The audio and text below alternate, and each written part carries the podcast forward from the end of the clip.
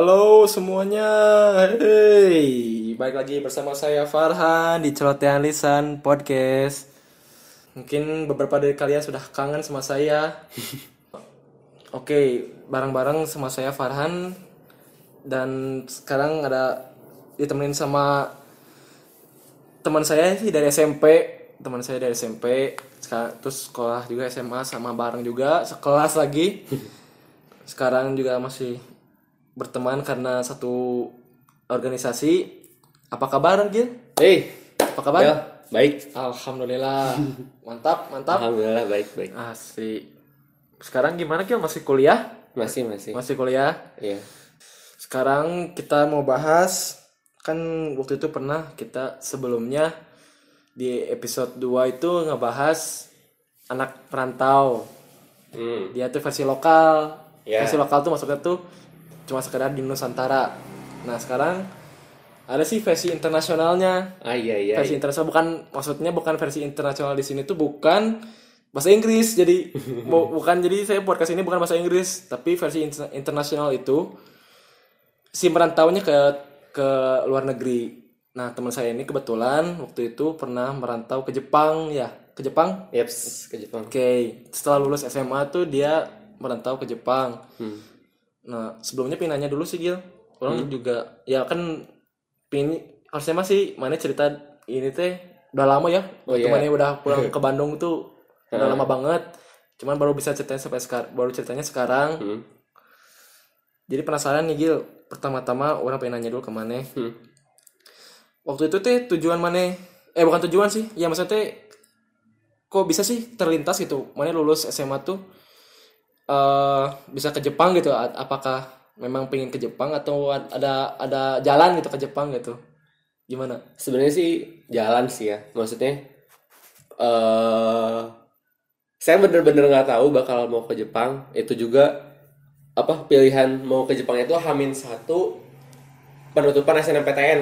Jadi kalau misalkan kasarnya tuh kalau misalkan saya eh, apa udah udah ditutup tuh SNMPTN ya saya nggak akan bilang saya ke Jepang karena takutnya kan kepil- eh, terima di PTN gitu. Nah, waktu itu ma- mana ikutan gak mana? Ma- SNMPTN Eh, Mana ikutan gak? Enggak, makanya pas pas udah yakin oke fix eh, nggak akan ikutan SNMPTN langsung bilang ke ke guru siapa ya waktu itu lupa Ya udahlah. waktu itu bilang ke guru eh, saya nggak nggak jadi ikutan SNMPTN Oh, karena udah tahu pasti mau ke Jepang gitu maksudnya Iya. udah tahu. Jadi itu teh mana setelah lulus tuh langsung ngurusin ke Jepang gitu langsung lurus ng- ngurusin gitu ke Jepang lulus jadi nggak terlintas. Tapi sebelumnya terlintas nggak sih? Pengen kuliah dulu di sini gitu?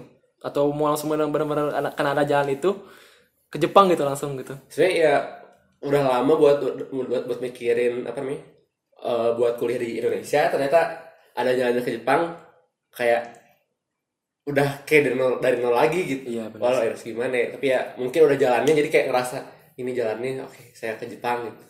Ya ini ke jalannya lah ke Jepang waktu itu. Nah waktu itu teh ke Jepang tuh mana teh eh ngapain sih Gil? Itu apa apakah mau kuliah gitu kuliah di Jepang atau misalkan kerja di Jepang atau gimana sih? Waktu itu orang kurang ngerti juga sih waktu itu. Nah itu paham. jadi saya tuh pada dasarnya sekolah bahasa sekolah bahasa Jepang di Jepang. Buat apa? Karena pengen masuk kuliah eh, masuk eh, kuliah di kampus Jepang gitu. Heeh. Jadi yaitu eh, apa? Kuliah bahasa Jepang di Jepang. Kenapa eh, harus kuliah dulu? Kenapa harus kuliah bahasa Jepang dulu? Karena buat dapetin jadi kayak saya tuh baru tahu juga buat dapetin eh, kursi S1 di di Jepang tuh kalau ya pengen yang bagus dan murah tuh ya kalau nggak kalau ah bukan murah, murah ya kalau pengen yang, yang bagus gitu kalau nggak harus kaya ya harus pinter banget gitu. Kalau nggak kaya banget ya pinter banget. Hmm. nah saya tuh nggak kepikiran sampai sana. Jadi saya tuh termasuk orang jadi saya tuh orang yang pertama eh apa dua orang yang per- saya sama teman saya dari Makassar. Kebetulan saya juga sebelum ke Jepang ke Makassar dulu sebulan. Hmm. saya tuh jadi orang yang diberangkatkan pertama. Jadi saya tuh nggak tahu bener-bener uh, apa yang bakal saya laku eh, apa planning saya bakal kuliah di Jepang tuh bakal gimana saya nggak tahu. Jadi saya bener-bener nyari tahu sendiri. Dan ketika saya tahu saya tahu ya itu uh, kuliah di Jepang tuh mahal banget. Saya juga nggak bisa nggak bisa ini ya. Kayak aduh ternyata setahu kayak gini mah mending di Indonesia sih. Tapi nggak nyesal karena banyak hal yang saya dapetin. Nah itu saya di sekolah bahasa Jepang. Karena tadinya pengen kuliah di Jepang ternyata di, di Jepang tuh kuliahnya mahal ada 80 jutaan lah se- semester eh semester Semester 80 juta. Sumpah. Masya Allah. gitu Pusing di sini juga. ya nah yang enak tuh kalau S2 S2 tuh pemerintah Jepang apa yang kuliahnya di kuliah yang apa namanya kalau di Indonesia tuh PTN ya ya PTN-nya di Jepang tuh murah 30 jutaan se semester nah Sama masih masih mahal juga sih sebetulnya. iya tapi maksudnya saya ber- udah kepikiran gitu kalau oh segitu mah dapat gitu Ya, bisa sih. gitu kalau bisa diusahain gitu meskipun harus eh, apa harus kerja keras tapi kalau 80 juta tuh saya nggak nggak bisa banget Itu teh 80 juta tuh S1-nya gitu. Gitu mah. satunya satu eh per semesternya 80 juta PR banget. PR pisan. nah gitu Jadi mana teh langsung ke Makassar teh mungkin ada pelatihan bahasa Ya, Jepang dulu pelatihan mungkin bahasa pelatihan bahasa, pelatihan bahasa Jepang dulu. Nah, itu temannya berapa lama sih ke Jepang teh waktu itu teh? Lupa. satu tahun 9 bulan. Ah, yang benar? Asal asal lama. eh, enggak sih gitu. Emang satu tahun sebelum jadi apa ya? Se- eh, dari awal lulus tuh kan apa sih Mei? Ya kita lulus. Ah, iya Jun, Juni lah. Juni Juni Juni lulus. Juni lulus. Terus eh, pelatihan dulu kan sampai September Oktober saya Oktober tanggal satu tadi saya udah di Jepang Tanggal 1 Oktober. Oktober satu tanggal satu teh nah saya pulangnya tuh Jul, Juni lagi Juni Juni 2016 Pergi teh tahun Oktober tahun 2016 ah eh 2016 2014 sorry 2014. ya 2014 Juni 2016 pulang. ya Oh. jadi nyiapin buat SNMPT eh, SBMPTN Heeh. itu. gitu Asal lama sih Gil mana teh pergi teh. nah hanya teka rasa berarti nya itu da, yang orang rasain teh asa kayak tilu tahun sih mana enggak sumpah enggak sih segitu segitu ya hampir dua tahun berarti ya satu tahun Ya. sembilan bulan mah ya Hmm. Heeh. oh ya terus mana gimana eh, mm, pas mana pergi ke Jepang itu gimana sih rasanya teh apakah berat gitu kan ninggalin teman-teman otomatis apalagi ninggalin orang tua kan orang tua Oh, iya. kan mm, sebenarnya kalau misalkan soal ninggalin mah karena kita punya tujuan ya mungkin oke lah masih bisa kayak oke kayak punya apa ya kayak bisa lah gitu ninggalin doang mah. Maksudnya kita eh, kan saya juga pasti balik lagi gitu. Cuman mungkin yang berat tuh karena eh, apa ya salah mungkin kalau orang tua mah nggak pernah eh, kita tuh ada satu rumah tapi lebih dekat ketika kita tadi ketika kita jauh gitu. Ngerti nggak sih? Oh, ya Jadi, ngerti ngerti. eh, intens eh, apa teleponan tuh ketika kita jauh ketika saya di Jepang tuh sering teleponan. Kalau di Indonesia ngobrol juga sebenarnya bisa dibilang mah nggak terlalu sering sih Hmm. makanya kayak oh ternyata jauh teh malah mendekatkan gitu salah satunya mungkin kayak gitu Mhm. terus sedihnya sih ya untuk pertama kali ke Jepang terus nggak bisa bahasa Jepang terus nggak punya uang tuh wah luar biasa nang- nangis tuh sebulan dua bulan di Jepang tuh bener-bener eh, apa ya bener-bener kibisi kalau di Jepang tuh apa ya kibisi Hmm. Kera- s- eh jadi kayak apa namanya? Eh saya tuh udah pengen kayak bunuh diri bener gitu wah nggak sampai situ sih. Cuman ya kayak gitulah. Eh, bener-bener apa udah udah maksudnya udah pasrah gitu misalnya gimana? gimana banget ya karena nggak punya kerjaan nggak ada uang terus yang nggak tahu di Jepang kayak gimana gitu Hmm. gitu sih. Mm-mm. Terus kalau reaksi teman-teman waktu itu gimana sih? Waktu ya ya orang kan orangnya teman-temannya juga kan eh nah maksudnya asa ya lebar gitu, bukan lebar sih maksudnya. Ya udah dekat lama gitu, kenal lama, tiba-tiba mana jauh gitu, mana jauh tiba-tiba jauh. Gimana sih yang teman-teman yang reaksi yang lain yang, yang dekat gitu sama mana reaksinya ke Jepang gitu? oh mm, mm, gimana ya maksudnya mereka sih ya karena kalau udah kita udah SMA udah keluar SMA kan berarti udah ini ya Masih punya majalahnya masing-masing ya. udah jalannya masing-masing jadi kayak nggak terlalu gimana gimana juga sih karena Udah suatu saat masa depan Betul. Heeh. suatu saat juga pasti bakal ketemu lah Betul. di- betul betul betul makanya sebenarnya nggak terlalu gimana kalau sama teman sendiri sih oke berarti udah tuh ke Jepang nah pas di Jepang nih pindahnya sekarang udah udah masuk ke Jepangnya nih Hmm. pertama kali impression mana di Jepang tuh gimana pas datang ke Jepang setelah pertama kali Wah luar biasa. Beda banget sama Indonesia. Kalau Jepang tuh bersih, udaranya enak dihirup gitu. Kalau di Indonesia tuh kayak aja beda aja gitu. Hidup udara di Indonesia sama di Jepang karena di sana tuh eh, nggak banyak ini, nggak banyak polusi. Terus orang Jepang juga bersih. Dia tuh apa namanya disiplin lah, disiplin. Iya. Kalau orang Jepang, enaknya Jep- orang Jepang tuh dia disiplin. Jadi apa ya? eh kayak nunggu di bis tuh orang nggak nggak pada nyerobot gitu satu-satu datang jadi orang yang pertama datang yang kedua tuh meskipun ada jalan nih buat dia nyerobot tuh dia nggak nyerobot diem aja di sebelahnya si orang pertama datang orang ketiga kayak gitu seterusnya makanya enak banget di Jepang beda bisa sama di sini ya iya di sini mah ah, ya bu- bukan membandingkan ya bukan membandingkan sih tapi lebih lebih ke mencontoh lah di Indonesia harus kayak gitu sih masyarakat tuh buat pendengar jangan sampai kalian hal masalah sepele juga ada direbutin ya di Indonesia Nah. mah ya. Ma- masalah sepele aja direbutin di Indonesia mah. Saya kadang kalau misalkan lagi apa ya lagi ya kalau misalkan lagi lihat orang Indonesia gitu ngomong soal politik tuh kadang kayak pengen balik lagi ke Jepang. Soalnya karena ya itu aduh hal-hal yang kecil tuh diributinnya luar biasa parah di Indonesia tuh. Sebetulnya juga pas aja pingin pas saya kalau misalkan ada, ada rezeki ada rezeki mah saya pingin pindah ke dari Indonesia sebetulnya mah. Da yang membuat kita hancur gitu. Ya ini out of topic aja. Iya. kita membuat hancur Indonesia tuh rakyatnya sendiri sih. Bukan bukan pemimpinnya lah. Atau siapa yang menggerakkan kita siapa yang nah, ya itu rakyatnya sendiri sebetulnya. Betul bukan presiden lah itu. Nah, gimana gimana mau kita mau maju tapi rakyat rakyatnya juga masih kayak gini rakyatnya. Kayak balik lagi ke Jepang tadi. Impression mana? Udara bersih kan? Udara bersih. Orang-orangnya juga bersih ramah ramah ramah. Ramah ramah tuh. Jadi sebenarnya gimana ya kalau dibilang ramah tuh? Jadi orang Jepang tuh ramahnya banget tapi nggak ramahnya juga banget juga. Gimana? Jadi kalau kalau kita nih ketemu orang Jepang baru gitu dia tuh orangnya ramahnya banget gitu. Jadi kayak kayak orang Asia lah orang-orang timur gitu. Jadi sikapnya tuh sopan santunnya tuh oh, banget gitu. Cuman yang nggak saya saya sebut nggak ramah tuh bukan nggak ramah sih sebenarnya. Cuman ketika dia eh, misalkan lagi buru-buru biasanya kan kalau misalkan pagi-pagi tuh jam 8 mau ke kantor tuh kadang nyenggol orang tuh ya ya nggak bilang maaf atau gimana ya, ya tinggal nyenggol ya udah tinggal kayak cuman kesenggol biasa gitu nggak usah minta maaf atau kayak gimana gitu makanya kadang kayak gitu sih.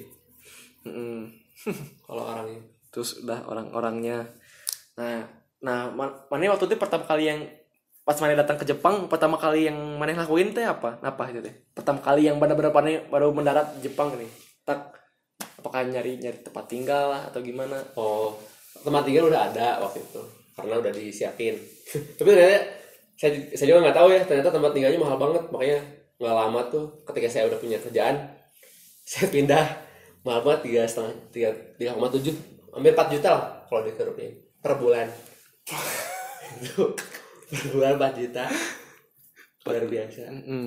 makanya langsung oh udah rasa ini pindah. Tapi kalau pertama mah ya itu jadi kita tuh dijemput sama dosen yang ternyata itu adalah kepala sekolah jadi kita nggak tahu siapa. Hmm. jadi kepala sekolah kita ya biasanya kan orang tuh datang orang misalkan orang lain gitu ya datang ke ke Jepang tuh diantarin sama dosen. Kalau kita sama sama sama kepala sekolahnya langsung karena kita juga termasuk orang baru orang Indonesia yang ke, ke apa ke Jepang. Gitu.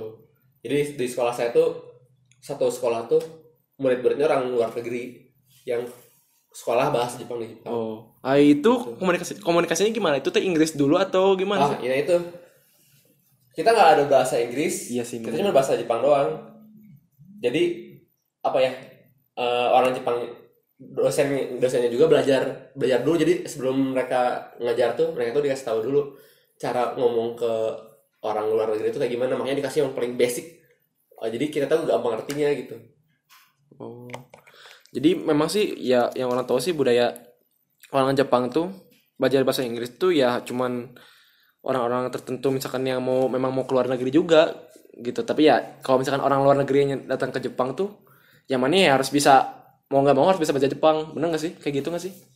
kalau kalau ke luar negeri harus mau bisa mau nggak mau harus bisa bahasa Jepang Ya misalkan ya orang Jepang nih, kayak orang sih, orang punya orang juga sih punya, punya orang saudara orang Jepang, serius ini mah. Heeh. Punya saudara orang Jepang. Eh nah, dia teh kan orangnya teh suka apa namanya? Traveling gitu, suka backpacker gitu lah. Ke Australia kemarin tuh pernah ke Thailand. Nah, nah pas dat- dia datang ke sini ke Indonesia, dia lancar bahasa Inggrisnya, lancar lancar lancar teh lancar banget weh. Jadi yang orang nilai, yang orang nilai itu berarti orang Jepang yang mau keluar negeri itu ya otomatis harus, harus bisa bahasa Inggris. Ya jadinya basicnya lah. Kalau misalkan orang luar negeri kalau mau ke Jepang berarti harus bisa baca Jepang? Benar nggak sih kayak gitu nggak sih? Sebenarnya nggak harus juga sih maksudnya di Jepang tuh sign apa eh, sistemnya udah terlalu tata, tata, tata, tata rapi jadi banyak yang udah pakai bahasa bahasa Inggris jadi kita kan nggak bisa bahasa Jepang juga.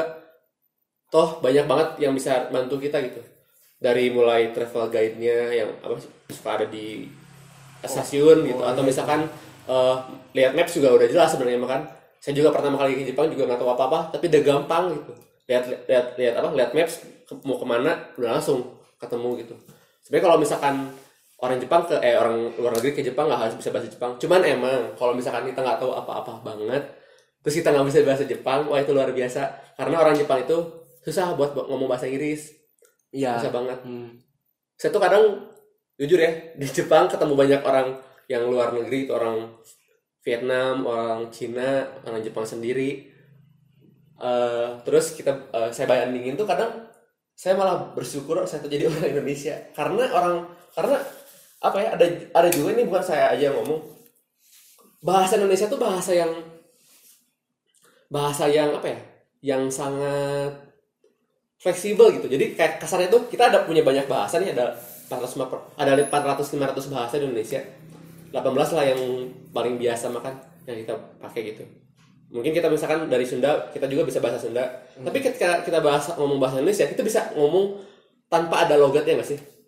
Orang separah-parahnya orang Jawa juga ketika dia emang apa eh, ngomong bahasa Indonesia dan emang intensinya emang kayak buat kerja gitu mah nggak ada gitu logatnya hilang karena bahasa nah itu bah kerennya bahasa Indonesia makanya saya juga eh, ngelihat orang Indonesia tuh jago buat cepat belajar bahasa Jepang jago buat cepat bahasa belajar bahasa Inggris nggak eh, nggak kayak negara lain contohnya kayak Jepang. Jepang tuh kalau belajar bahasa Inggris aduh eh, bahkan kadang kan ada bahasa Inggris yang dikebahasan Jepangin. Oh ya jadinya kan ka- pakai katakana ya Hmm. saya tuh kayak, kayak bingung gitu. Ya teh apa maksudnya? Ini bahasa Inggris tapi apa gitu? Kayak misalkan ranji. Kamu apa? Itu bahasa Inggris nih. Bahasa Inggris. Ranji. Itu apa? Ranji Ranji apa ya? Lunch. Oh jauh kan oh oh. Jauh kan kayak gitu bahasa Jepang tuh ribet kalau udah ngomongin soal bahasa Inggris kalau kita nggak apa kalau mereka tuh nggak bisa bahasa Inggris gitu. Makanya orang-orang yang bisa bahasa Inggris di Jepang ya orang yang pernah traveling ya itu yang sering di luar negeri. Terus mm, setelah dan ini di Jepang nih. Pengen dong tau lah, pengen sekarang mah pengen tahu ya dari mana sendiri. Pengalaman di Jepang sama satu tahun 9 bulan itu teh pengalaman unik lah unik gitu. Selama mana di Jepang apa aja sih? Pengen tahu lah. Pengalaman unik gimana nih? Ya apa pun, yang apa pun. itu yang mu- mungkin nggak pernah terjadi di Indonesia atau mana por pertama kali mengalami di Indonesia nggak pernah di, tapi di Jepang malah kealaman gitu. Hmm, ya pertama tuh saya pernah nih, saya tuh nggak tahu di sebelah saya tuh ada ada apa? Antrian. Jadi saya tuh mau ngisi ngisi kartu, ngisi ngisi uang gitu kan pakai kartu. Saya tuh nggak tahu di sebelah tuh ada antrian. Nah, saya tuh datang, terus tiba-tiba di eh, hoodie saya tuh ditarik sama orang Jepang. Ditarik sama orang Jepang. Saya kaget. Terus dia ngomong apa-apa, diem aja gitu saya langsung saya ke belakang kan oh ternyata ada antrian jadi saya tuh udah ngerti sendiri oh ada antrian nah itu sih itu unik aneh banget gitu orang tuh sampai segitu apa berani sama orang lain. Tapi ya maksudnya tuh tujuannya baik gitu. Dan udah ya udah sampai situ aja gitu. Tuh kayak lucu sih. Kayak saya lihat tuh kayak edan saya sampai digituin. Cuman yang nggak masalah itu salah saya juga gitu. Ya bagus itu itu udah biasanya kayak gitu bagus banget malah. Ya misalkan nih kita sebagai orang luar mungkin nggak tahu ya kayak gitu tiba-tiba. Orang Jepang asli. Kayaknya memang budaya kita sama budaya Jepang tuh beda 180 derajat beda banget asli. Mungkin kalau saya bisa bilang tuh salah satunya karena pendidikan. Pendidikan orang Jepang tuh dari SD tuh nggak langsung belajar yang formal matematika kayak gitu. Tapi manner ya. Manner. Nah itu. Kita belajar dari awal tuh manner. Dan nggak nggak bisa ga- nggak gampang sih kita mau ngomongin manner ke anak kecil aja kitanya sendiri belum bener kan susah kan? Makanya itu tuh harus bener-bener entire se se se nasional gitu. Kita tuh belajar manner kemarin ya. Nah itu yang saya rasain di Jepang sih. Di Jepang tuh mannernya bener-bener bagus. Di mana-mana teh ngantri nggak ada yang nggak ada yang nyerobot sama sekali. Bahkan di elevator di lift. Apa namanya? Kita tuh ngantrinya di sebelah kiri atau sebelah kanan. Jadi orang keluar dulu baru kita masuk. Masuk. Oh, iya, gitu. tuh nggak ada yang nyerobot nyerobot itu makanya saya kalau kalau pas ketika pulang ke Indonesia lihat ibu-ibu nyerobot tuh astagfirullahaladzim pengen. Ah. Pengen narik juga gitu pengen narik ibu-ibu nggak sopan. Pengen narik juga. Udah masalah ada lagi nggak? Ada lagi pengalaman lain? Pengalaman apa lagi ya? Masalah mungkin ma- makanan mungkin kan Waduh, oh iya, makanan. pasti kan beda Boleh. sama Indonesia. Nah, saya tuh di Jepang bukan orang yang strict tapi harus apa ya harus harus tahu bener-bener ini teh halal atau enggak sih. Jadi saya nggak Oh, nggak iya, iya. banget sih nggak saya nggak strict banget sebenarnya. Cuman ya pe- harus harus mema- bisa memastikan itu teh halal atau enggak sih. Kayak misalkan nih di Jepang tuh ada orang Indonesia ibu-ibu dia tuh suka banget eh, nelponin ya perusahaan ini teh makanannya teh ada apanya sih halal eh bukan halal atau enggak ya ini teh makanannya teh ada apa aja Ingredientnya apa? ingredientnya apa gitu ada ininya nggak ada ininya nggak ada ininya dia tuh seneng banget dan di Facebooknya tuh ada jadi makan makanan yang halal menurut dia eh dia udah nelpon dan itu teh dia bisa kategori- kategorikan halal dan yang nggak halal tuh dia simpan makanya saya tuh kalau misalkan mau ke kombini Alfamart pasti ke Alfamart gitu ya mau beli ciki aja saya tuh pasti lihat dulu ini lihat dulu apa nih lihat dulu Facebooknya dia. Ini ada nggak sih barang ini tuh? Oh nggak ada. Berarti jangan-jangan eh, nggak halal gitu. Makanya kalau udah lama kelamaannya tinggal tinggal lihat sendiri oh ini ada babinya atau nggak ada babinya gitu. Terus ya itu makanan jadi saya bener-bener susah buat makan kayak makan daging juga kan saya nggak makan. Kecuali emang di restoran yang emang labelnya halal atau eh, saya beli eh, bikin sendiri. Dan bikinnya tuh kayak misalkan nugget nih saya pengen bikin nugget saya cari ke supermarket yang eh, ada nuggetnya tuh halal gitu. Kayak gitu. Salah satu yang unik di Jepang ada di Shinjuku di dekat Shinjuku Station. Itu tuh restoran Jepang tapi halal. Kenapa halal? Karena dia ini apa semua yang ada di bahan-bahannya dia tuh dari laut. Dia seafood gitu. Ra- ramen tapi seafood. Hmm. nah itu eh, apa saya pas ke sana dan itu rame nggak cuma sama orang Indonesia orang Jepang juga sering gitu eh apa banyak yang suka ke sana gitu. Dan saya tuh jadi kayak termasuk orang yang sering ke sana karena itu dekat dari rumah saya terus enak juga terus ya halal juga. Jadi kadang orang apa si pelayan itu udah tahu banget kalau saya udah ke sana tuh. Segitu sih karena enaknya kalau itu si makanannya kalau tadi teh ada makanan kan mana jadi kalau misalkan lebih sering beli atau masak sendiri sih? Beli maksudnya beli ke restoran lah gitu atau lebih masak lebih sering sering masak sendiri. Kalau jelas. Sebenarnya tanpa ada halal atau haram juga ada makanan di Jepang mahal-mahal. Makanya sebenarnya ya seringnya masak sendiri.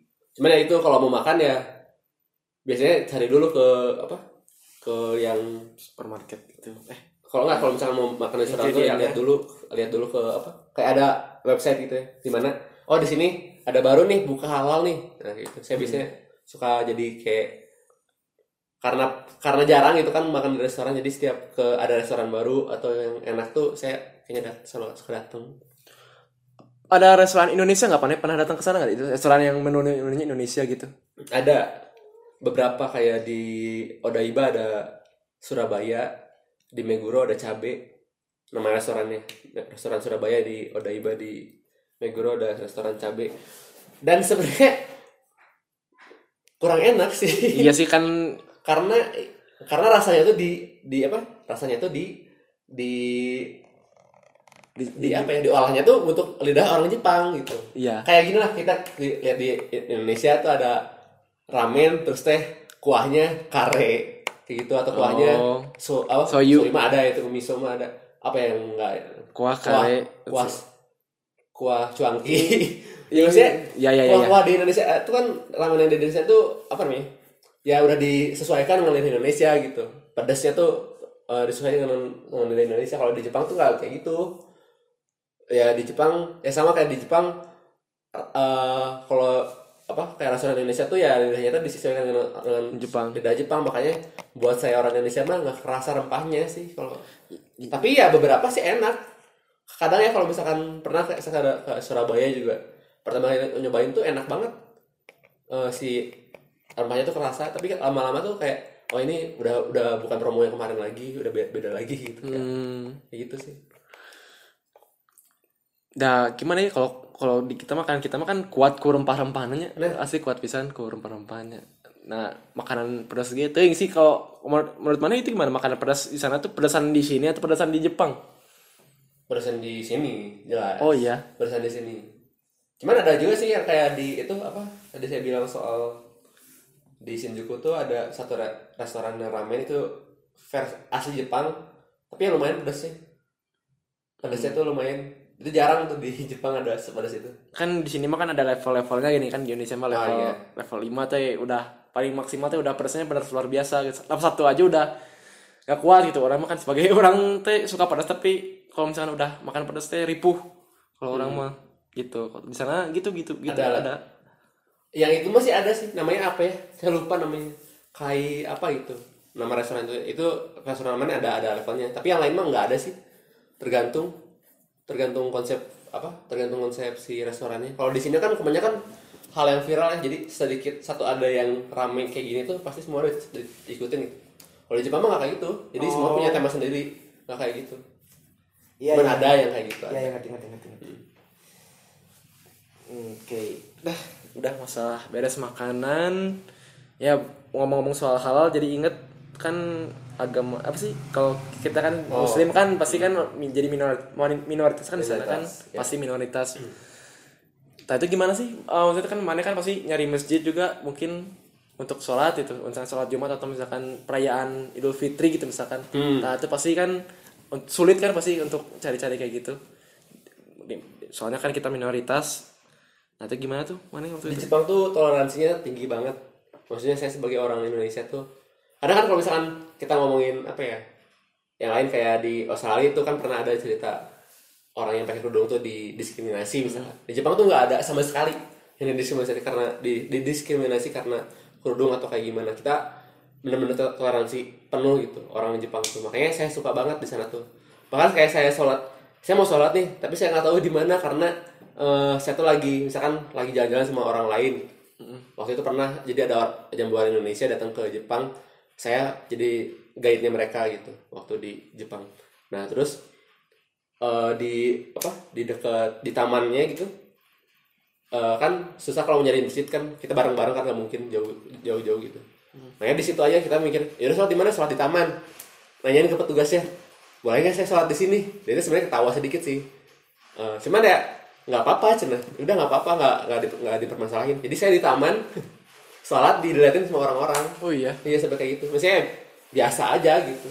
Orang juga nggak nggak pernah ngeliatin atau gimana yang ngeliatin lihat aneh sedikit oh ya udah gitu. Oh ini orang lagi sholat ya udah gitu. Nggak ngeliatin terus ya. Ngeliatin sedikit oh ya udah sih gitu. Nggak pada mau kayak orang Indonesia yang dikit-dikit videoin langsung masukin Instagram ini orang Indonesia ada yang lagi sholat. Wow cina. Gitu kan nggak sampai kayak gitu kalau di Jepang. Kayak gitu sih. Heeh. Terus itu kalau misalkan ada perayaan-perayaan ya, ya lebaran gitu gimana man? sebenarnya kalau di Jepang mah bukan cuma agama Islam sih semua agama tuh nggak punya perayaan nih Ya, heeh. jadi ya nggak libur nggak libur? nggak ada libur Oh nggak ada tanggal merah untuk nggak ada tanggal merah untuk perayaan, Perayaan. hari. Oh iya. ya cuman kalau mau merayakan ya mangga itu mah jadi kayak kalau di Indonesia tuh eh di Indonesia di Jepang tuh ada komunitas Indonesia ya saya kalau misalkan Idul Fitri Idul Adha ya ke sana dan ramai gitu kan ya cuman biasa aja sih maksudnya bi- biasanya biasa tuh ke ke orang Jepangnya tuh nggak ada gimana gimana nggak ada bentrok apa apa Oh jadi ben- bener-bener nggak ada di kalender tuh nggak ada merah gitu nggak ada libur libur itu cuma minggu doang gitu libur oh nggak juga sih ada libur mah ada jelas. Cuman bukan keagamaan nah itu. Oh. bukan acara keagamaan libur ini. Iya iya iya. iya. contoh kayak libur apa ya? Libur ini eh, Jepang pernah ada Olimpiade tahun 1960 berapa gitu. Nah saya lupa nah itu ada di eh, liburnya gitu tanggal 10 Oktober Hmm. makanya 10 Oktober teh bahas setiap perusahaan teh libur dan mereka teh bikin acara olahraga saya juga gitu kalau di di di sekolah saya tuh 10 Oktober teh kita ini main baseball apa seperusahaan gitu Oh, baseball tuh olahraga idaman orang asli.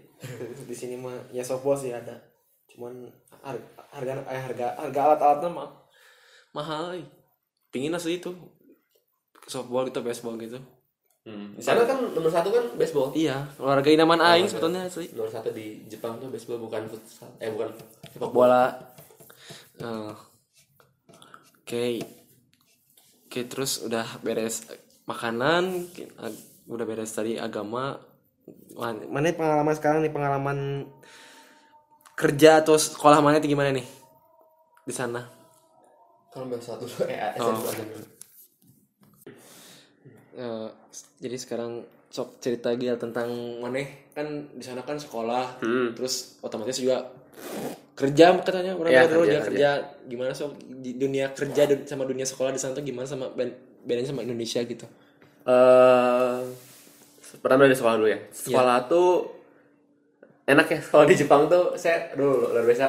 Nagih. Karena dosennya tuh jadi kayak kayak kita tuh kayak les gitu kayak apa ya? Dia tuh kayak memperlakukan kita tuh sebagai kasarnya tuh apa ya, kayak kalau kalau lagi restoran tuh kayak raja gitu. Kayak kayak tamunya gitu ya sih? Jadi kayak misalkan kita nggak ngerti di mana dia tuh nggak nggak nggak pernah memperlihatkan bahwa dia teh eh, apa kesal atau gimana jadi kalau misalnya kita nggak bisa juga pasti di pasti di- terus di apa dibantu gitu. Ini gini maksudnya teh oh nggak ngerti masih dibantu gitu. Kayak terus aja dia tuh nggak ada apa dan sistemnya juga enakan jadi kayak apa eh, hari ini belajar apa besok belajar apa itu udah udah tertata dengan baik gitu. Jadi eh, si apa namanya si pembelajarannya juga atau indikator keberhasilannya juga tercapainya teh. Oh karena ini karena ini karena itu udah baik sih. Udah enak banget kalau soal sekolah tuh di Jepang soal bahasa di Jepang tuh. Jadi kayak senang banget dulu di sekolah di Jepang tuh karena yaitu eh, apa kayak apa ya itu kadang makanya itu salah satu hal yang pengen saya terapin di Indonesia kalau saya misalkan jadi guru atau jadi dosen tuh pengen kayak mereka gitu. Se se se apa se sekeren itu ketika mereka ngajarin tuh asik sih. Kalau soal kerja nah ini yang kadang jadi masalah dari awal tuh saya ke sana nggak tahu apa-apa nggak bisa apa-apa dan ya bener-bener lost itu kan. Tapi ya pada dasarnya ketika kita yakin mah udah pasti ada jalan sih. benar, benar. pasti ada jalan. Saya juga nggak tahu jalan juga dari mana. Dan saya ketika ketemu, orang-orang Indonesia juga yang punya sepengalaman sama saya juga sama gitu. Mereka tuh nggak tahu jalannya bakal kayak gimana dan sampai ada yang nangis sampai ada yang nggak punya rumah atau saya juga alhamdulillah masih ada ada rumah waktu itu teh dan ya ada jalan dapetin kerjaan yang kita suka gitu. Meskipun kita juga harus ngalamin dulu kerjaan yang kita nggak suka. Tuh banyak saya udah ngalamin banyak pekerjaannya kayak jadi apa ya waiter. Hmm. waiter di apa restoran. Terus jadi tukang kuli beras. Hmm. pernah. Terus kerja di industri pernah. Kerja di hotel jadi room boy yang ngebersihin. Oh iya ya uh, kasur pernah. Kuli bangunan pernah. Banyak sebenarnya. Dan pengalamannya luar biasa sih mereka tuh uh, untuk orang-orang yang apa yang baru kayak saya tuh mereka sabar gitu untuk nge- ngajarin. Kayak gitu terus mereka sabar. Terus mereka disiplin juga sih. Jadi kayak uh, apa ya toleransi kalau misalkan saya udah ngomong dulu saya mau telat atau uh, bahkan pernah. Jadi eh, gimana saya ngomong? Jadi saya pernah eh punya eh udah itu dikat aja kayaknya saya lupa lupa ya. lupa. Lupa lupa. Dikat aja kayaknya. Dan jadi kalau di, di di Jepang tuh soal kerjaan tuh enak banget maksudnya ya soal kita kalau nggak tahu dikasih tahu dan jadi apa ya kerjaan saya juga bisa cepet ketika di Jepang tuh karena ya itu budayanya udah cepet gitu. Jadi disuruh cepet. Dan mereka juga bisa ngeliatin bahwa mereka tuh emang gigih gitu emang kerja keras ya. Saya juga ngikutin mereka gitu dan lama kelamaan bisa awalnya emang susah emang belajar dulu bisa bulan dua bulan bisa gitu. Itu juga kenapa saya bisa dapetin kerja di Jepang tuh sebenarnya banyak ya ada yang bisa harus oh lewat job vacancy ada yang misalkan di restoran itu suka ada tuh misalkan. Oh. arubaito chu tuh suka ada. Help wanted gitu muridnya. wanted ya Heeh. tapi kalau saya tuh lebih seringnya dari temen. Makanya relasi di Jepang tuh cukup penting. Terutama kalau saya sama orang Indonesia lah. Saya bergaul sama banyak orang Indonesia dari orang yang kuliah sampai orang yang kerja. Hmm. jadi relasi saya banyak. Terus ada misalkan eh ini bilang di sini kayaknya enak kerjaan buat kamu. Saya pindah kayak gitulah beberapa yang paling sulit sih buat saya waktu ketika saya kerja sama orang India ya. jadi bukan orang Jepang tapi orang India itu berat banget.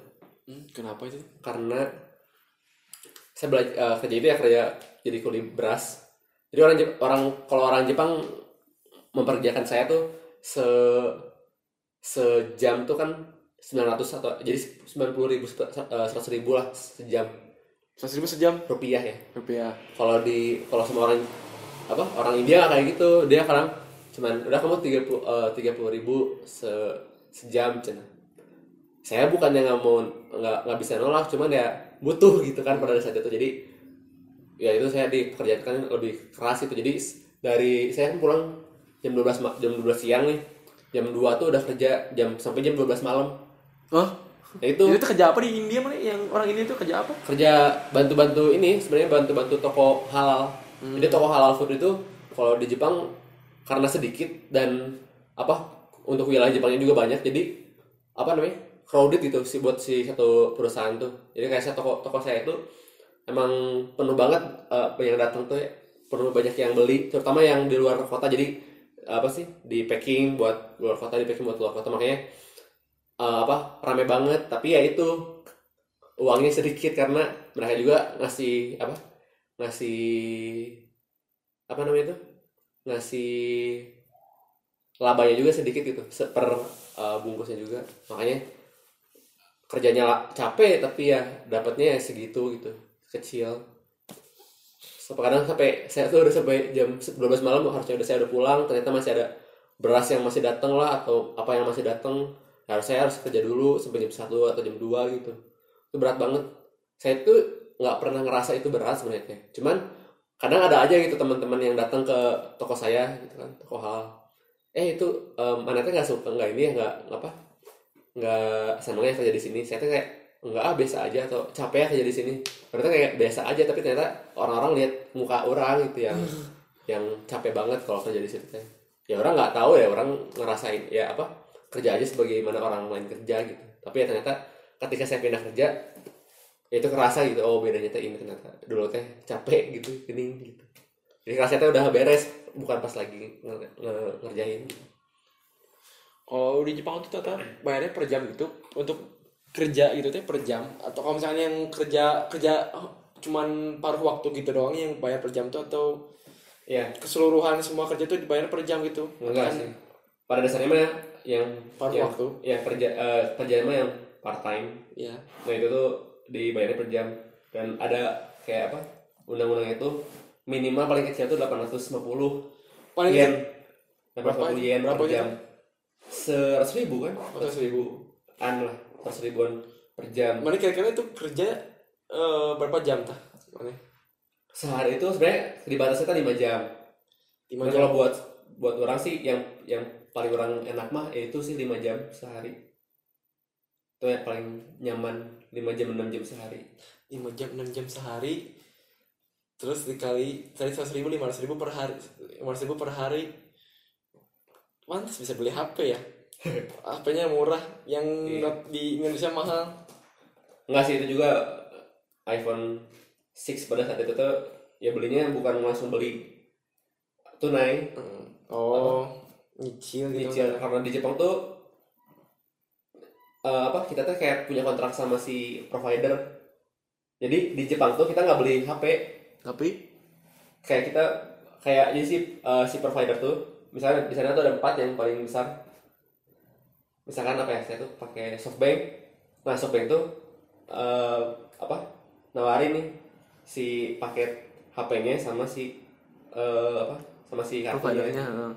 Jadi kita nggak nggak mungkin bukan nggak mungkin sih jarang. Atau gimana ya jadi si si si kartu teh eh si HP teh udah pasti lock. Kayak kalau di Indonesia mah kayak apa ya, smartphone. Oh jadi harus cuma pakai pelong? kayak cuma pakai kartu itu doang gitu. Ah, kayak gitu.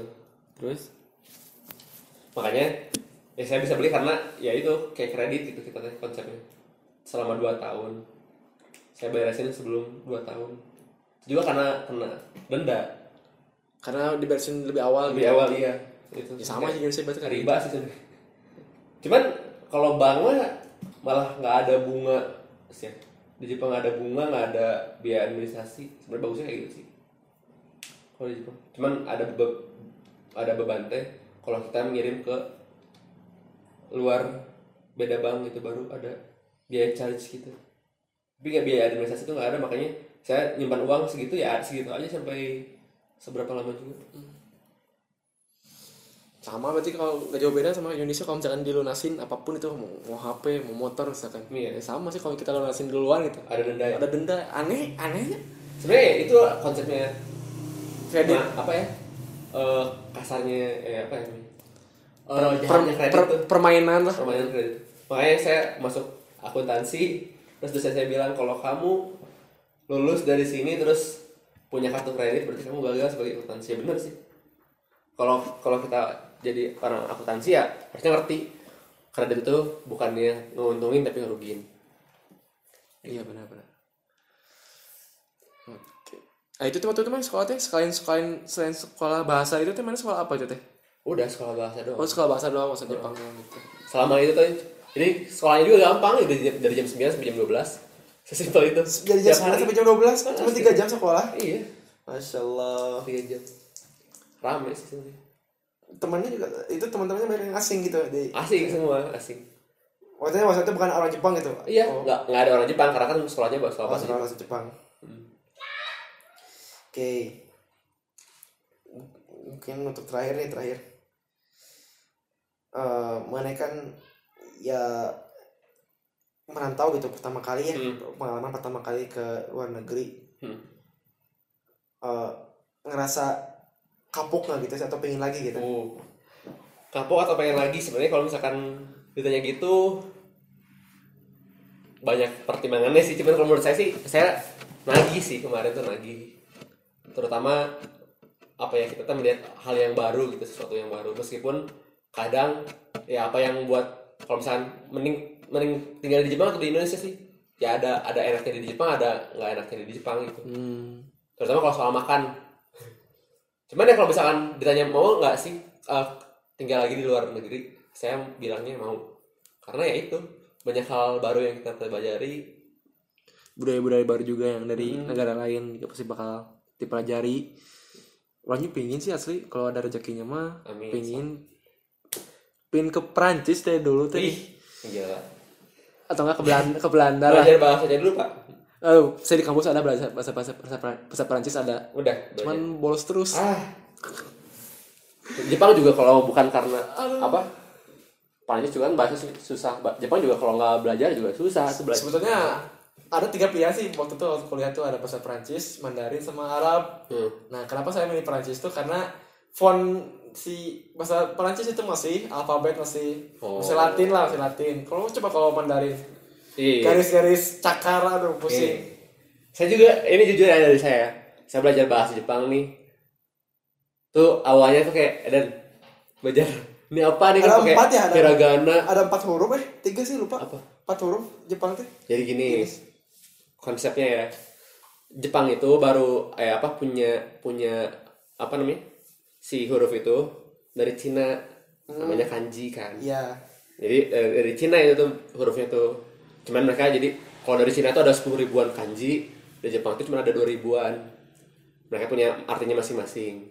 Nah, tapi kan orang nah, orang Jepang tuh nggak nggak langsung bisa oh ini apa gitu. Makanya dasarnya tuh ada yang namanya hiragana. Kalau di Jepang mah kalau di Cina nggak ada. Kalau di Jepang mah ada namanya hiragana. Nah itu membantu kanji itu. Jadi nggak kita belajar hiragana dulu nih.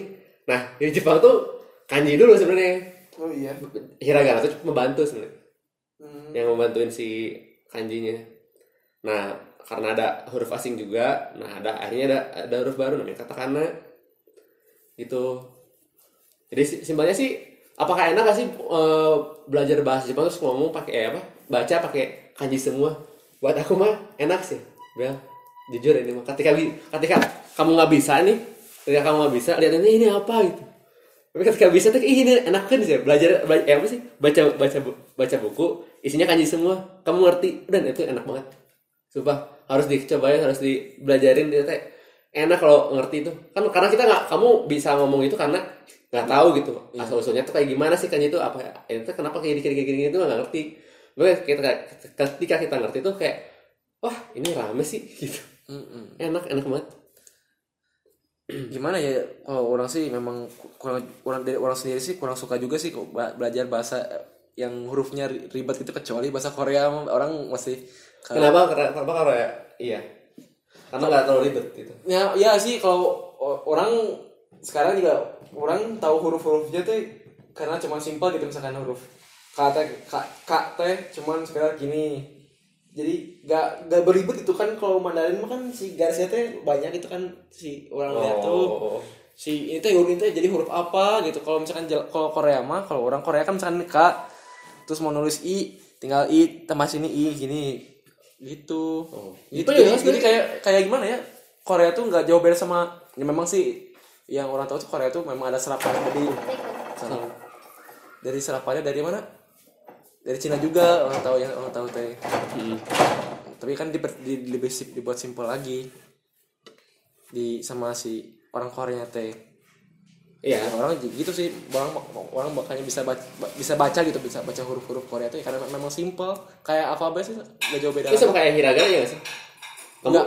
hiragana kenapa enggak? Eh nggak tahu juga. Iya, sama sih kayak hiragana kata orang tapi cuman mungkin hiragana hir- hiragana tuh melingkar-lingkar kan ada lingkar-lingkar Oh. gitu. Nih kayak gini ya. Hiragana tuh kan sebenarnya susah buat di eh apa? Sama kayak Indonesia kan A I U E O K gitu kayak kok sama kan. Hmm. Tapi kita yang udah ngerti bahasa Jepang lebih enak ngomong eh, apa ketika lihat kanji daripada hiragana. Karena itu gitu. Ya, kanji itu ada ada makna. Enak tuh kalau ketika kita eh gini gitu. Kayak kita tuh jadi orang yang baru.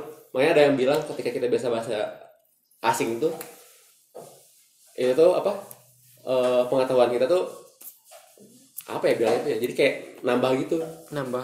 jadi kayak eh, apa yang karena di di setiap ilmu tuh ada ada ada cara berpikir yang baru gitu nah itu sih Hmm, hmm, hmm. Oke, berarti udah mungkin ada yang ada, ada yang mau cerita lagi nggak pengalaman apa gitu yang mau diceritain ke para pendengar sok. oh ada pengalaman apa ya itu sih eh, paling soal harusnya kan saya tuh nggak di sini sekarang harusnya kuliah di Jepang Oh, masih. heeh. Heeh. Cuman karena kan dulu awalnya tuh nggak tahu karena kita juga kita tuh saya saya dan teman saya tuh orang yang pertama datang ke Jepang tuh orang yang pertama dari dari si perusahaan itu dua datang ke Jepang buat sekolah bahasa jadi kita tuh nggak punya planning apa apa buat eh, apa? Buat buat gimana gimana tuh. Nah di akhir tuh saya tuh sebenarnya pengen masuk ke satu perus eh satu Universitas. universitas. Cuman kayak saya bilang mahal itu makanya saya bilang ke adik adik apa adik kelas saya gitu ke yang orang Indonesia juga kamu kalau misalkan mau masuk mau masuk ke kuliah masuk ke sini saya bilang tuh. Karena gampang masuknya dan itu tuh bagus gitu Hmm. kuliahnya. Dan dia masuk dong jadi kayak eh, masuk. Dan jadi kan kadang kalau lihat mereka ada di situ tuh ada di kampus itu tuh sedih gitu. Maksudnya ini teh impian saya masuk sini teh. Tapi orangnya orang lain yang dapatnya karena saya nggak cukup memper- untuk mempersiapkan karena saya nggak tahu apa apa dulu kan. Kayak gitu. Seringnya di situ sih. Oh, oh iya, waktu itu mana memutuskan untuk pulang tuh pas gimana tuh kan? Oh. Gimana? banyak itu pertimbangannya banyak. Terutama ya wah dan ada beberapa masalah juga eh, soal sama si perusahaan yang nge, apa nge berangkatin saya ke sana juga. Makanya dari dari berbagai pertimbangan akhirnya muncul ya udah pulang gitu. Kalau dari awal aman mas sebenarnya bisa aja sih balik ke sana. Cuman Yang saya nggak eh, saya nggak nggak terlalu menyesalkan karena banyak juga yang saya bisa ambil di sana. Benar-benar pengalaman yang tidak terlupakan. Jadi kalau misalkan masih di, di sana mas sekarang nggak ada. Di sini berarti ya? nggak nggak nggak ikut rekaman di sini sekarang.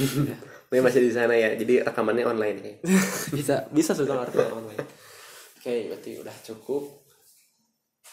Jadi nih disimpulkan nih sama Magilan nih disimpulkan so untuk untuk para pendengar kita mungkin yang bakal ada merantau ke luar negeri lah untuk sekolah atau, atau untuk nanti mungkin kerja lah atau misalkan sekedar cuma traveling gitu tips dan maksudnya tips untuk dari mana sendiri gimana nih? Dari kalau yang udah pengalaman ke luar negeri kan? Kalau mau soal tinggal di luar negeri mah eh asal kitanya yakin sih sebenarnya. Jalan mah selalu ada. Itu ya saya alamin juga dari awal nggak tahu banget tapi asal jangan pernah ditutupin gitu. Ada masalah apa tuh bilang. Terus ya cari relasi. Bakal ada gitu selalu jalan kayak kita juga jangan jauh-jauh kita jauh ke Jepang lah. Kita juga nanti misalkan ebel gitu ke kerja di mana di di Kalimantan misalkan. Pasti kan hal-hal yang gini tuh bakal kerasa gitu. Nah ini tuh eh, harus apa harus kita bisa punya pendirian bahwa kita tuh bisa ngelakuin ini. Makanya kita punya tujuan harus punya tujuan. Terus ya ikhtiar lah sebisa mungkin untuk mendapatkan apa yang kita tuju sebelumnya gitu terus itu satu. Yang kedua kalau mau traveling ke salah satunya ke Jepang ya persiapkan semuanya. Jadi dari Indonesia tuh harus udah disiapin. Eh, pengen ke mana aja gimana caranya. Itu sebenarnya kalau kalau kita apa kalau kita kitanya concern mah sebenarnya banyak ada yang di Google tinggal kita cari juga sebenarnya bisa kita dapetin semua. Itu sih persiapan paling penting mah. Ke Jepang juga kalau mau sekolah atau apa juga persiapan sih. Sekian dari saya. Sekian. Kira cukup pengalaman pengalaman dari Gilang ke luar negeri. Hmm. ya orang juga bisa belajar di situ. Siapa tahu ada ada jalannya juga pengen ke luar negeri Hmm. amin. Jadi bisa belajar juga di sana untuk para pendengar juga.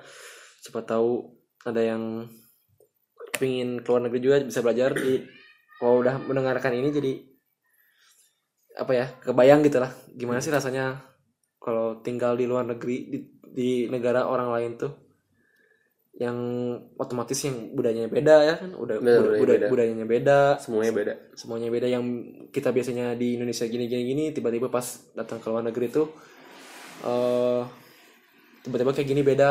Hmm. itu kok bisa sebetulnya kaget mah pasti sih ya. Mana kaget? Pasti kaget. Kaget gak sih? Kaget gimana? Yang maksudnya kan mana biasa di Indonesia kayak gini tiba-tiba pas di Jepang tuh misalkan ada yang gak ada yang gak ada yang kayak gini di Indonesia atau misalkan ada hal yang baru di Indonesia eh di Jepang Oh. pas mana ke Jepang gitu. Sebenarnya kalau kaget mah nggak nggak banyak sih cuman yang nggak biasa gitu eh ini ada yang aneh gitu. Eh ini kebeda sih gitu kayak gitu sih. Mm-mm, ya gitu gitu sih paling sama sih kalau ke Jawa Barat kalau misalkan mana ke merantau ke masih ke Nusantara gitu kayak nggak jauh nggak usah jauh-jauh deh kita orang Bandung misalkan merantau ke Jakarta weh pasti ada yang bakal beda di situ. Mm-mm. setiap setiap apa setiap tempat setiap, setiap wilayah. Tempat ada ada bedanya. Beda budaya juga beda. Pasti ada kayak gitu. Hmm, ya udah. Eh, cukup sekian lah podcast hari ini. Sok ada penutupan kata-kata penutupan gitu buat para pendengar. Apa penutupan apa? Ya penutupan ya penutupan ya maksudnya oh ya semoga orang yang mendengarkan podcast Ebel ini bisa tercapai tujuannya. Semoga bisa melanjutkan kuliah atau bahkan kerja di luar negeri. Amin amin, amin. Kalau- ya, udah itu aja mau usaha sih usaha. ya usaha bener. usaha tidak pernah mengkhianati hasil. Betul. Ya udah sekian. Sudah hampir sejam juga. Hmm. Terima kasih buat Bapak Gilang sudah mau nge-share pengalaman-pengalamannya terima kasih Yups, sama-sama.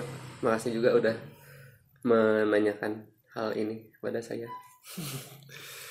ya mungkin jarang juga sih ya di kita pod- di podcast tuh nge-share kayak gini Hmm. pengalaman-pengalaman itu ya udah sampai ketemu di next episode next episode Farhan signing out